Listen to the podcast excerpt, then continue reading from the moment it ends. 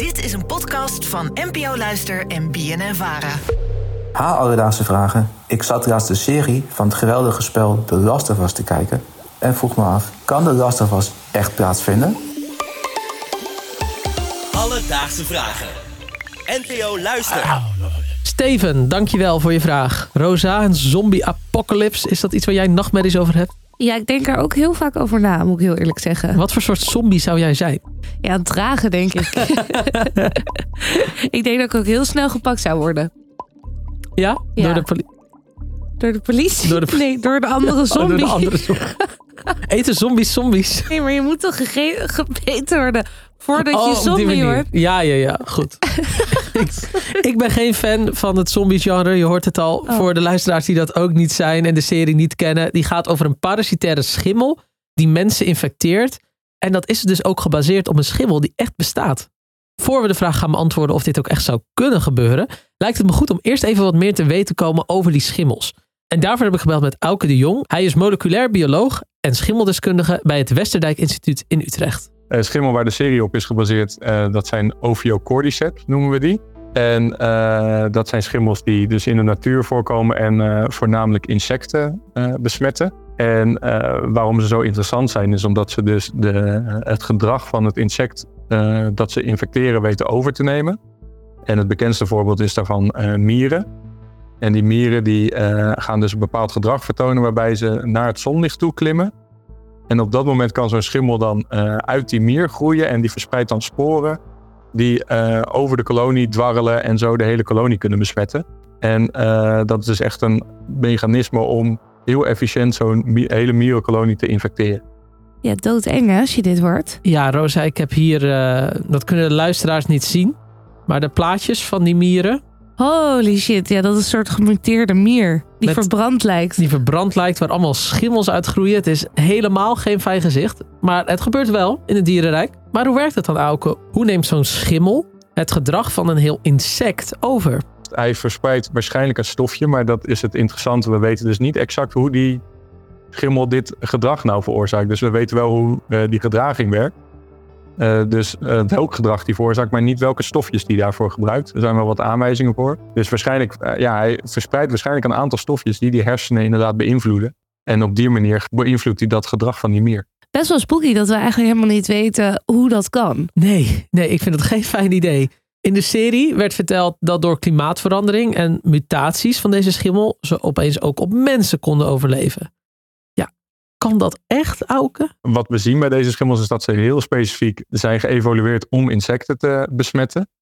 En insecten zijn natuurlijk een hele andere ja, diersoort dan de mensen. Ze zijn koudbloedig bijvoorbeeld. Dus dat is al een hele grote barrière. Dat ze niet onze lichaamstemperatuur hebben. Dus deze schimmels kunnen niet bij, vaak niet bij hogere temperaturen groeien.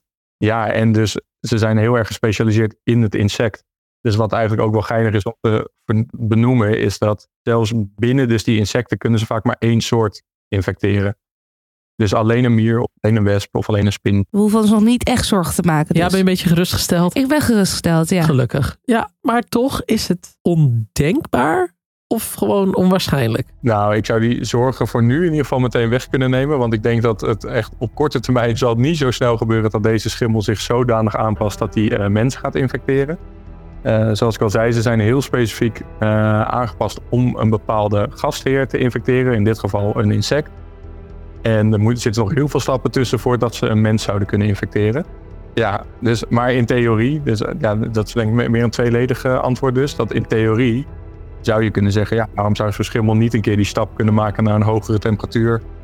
En wie weet kunnen ze dan in de mens groeien. Maar of ze dan ook die stofjes die ze produceren, of die ook op ons werken, dat, eh, dat lijkt me ook nog weer een extra stap. Ja, ik weet niet hoe het met jou zit, maar ik had toch liever een iets sluitende antwoord gehad. Helaas, helaas, helaas. Nu zijn er wel schimmels die mensen infecteren. Ja, alleen zorgen ze niet voor dat je je heel anders gaat gedragen. Je voelt je er misschien wat minder fijn door. En ja, daar zit toch ook wel een probleem in de toekomst, volgens Auke. De, de, de schimmels die mensen infecteren, die, eh, daar, zien we een toename van resistente soorten. En daar eh, denken we van dat dat onder andere komt door overmatig gebruik van schimmelmiddelen. Dus die schimmels passen zich aan tegen de antischimmelmiddelen die wij gebruiken, bijvoorbeeld in de landbouw, eh, waardoor ze resistentie ontwikkelen. En daarvan ook het probleem dat de middelen die we dus gebruiken in bijvoorbeeld de landbouw of Ook in eh, nou, verf, bijvoorbeeld die je huis gebruikt. Daar zit vaak ook antischimmelmiddel in.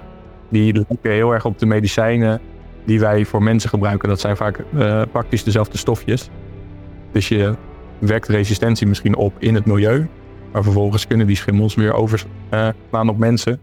Waar ze dan resistent zijn. Alledaagse vragen. Rosa, een schimmel die ons gedrag overneemt. Het klinkt eng, Ja. maar ik heb het ook bij jou al zien gebeuren. Oh? Wat dan? Waar denk je dat ik op doel?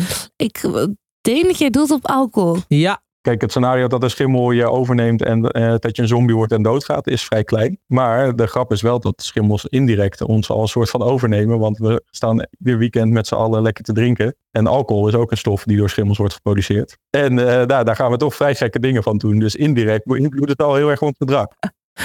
Shit, dus eigenlijk is The Last of Us al een realiteit. Alleen hebben we het nu over dronken hooligans in een stadion. precies. Dat is toch wat veiliger. Ja, voor sommige mensen. Dus, Steven, moeten we bang zijn voor een zombieschimmel? Nou, nee. Dit soort schimmels bestaan inderdaad bij insecten, maar de stap naar de mens die is wel heel erg groot. Deze schimmels zijn nog gemaakt voor één soort insect en dan zitten er nog heel veel stappen tussen wat een schimmel nu is en wat het zou moeten zijn om ons allemaal over te nemen. Geen zorgen dus. Heb je nou ook een vraag? Stuur dan een eh, DM'tje naar Alledaagse Vragen op Instagram. Of stuur een mailtje naar alledaagsevragen.bnavara.nl En dan zoeken we het voor je uit voordat de schimmels ons pakken. Zolang het nog kan. Ja, snel, schiet op. Alledaagse vragen. NPO Luister. BNN Vara.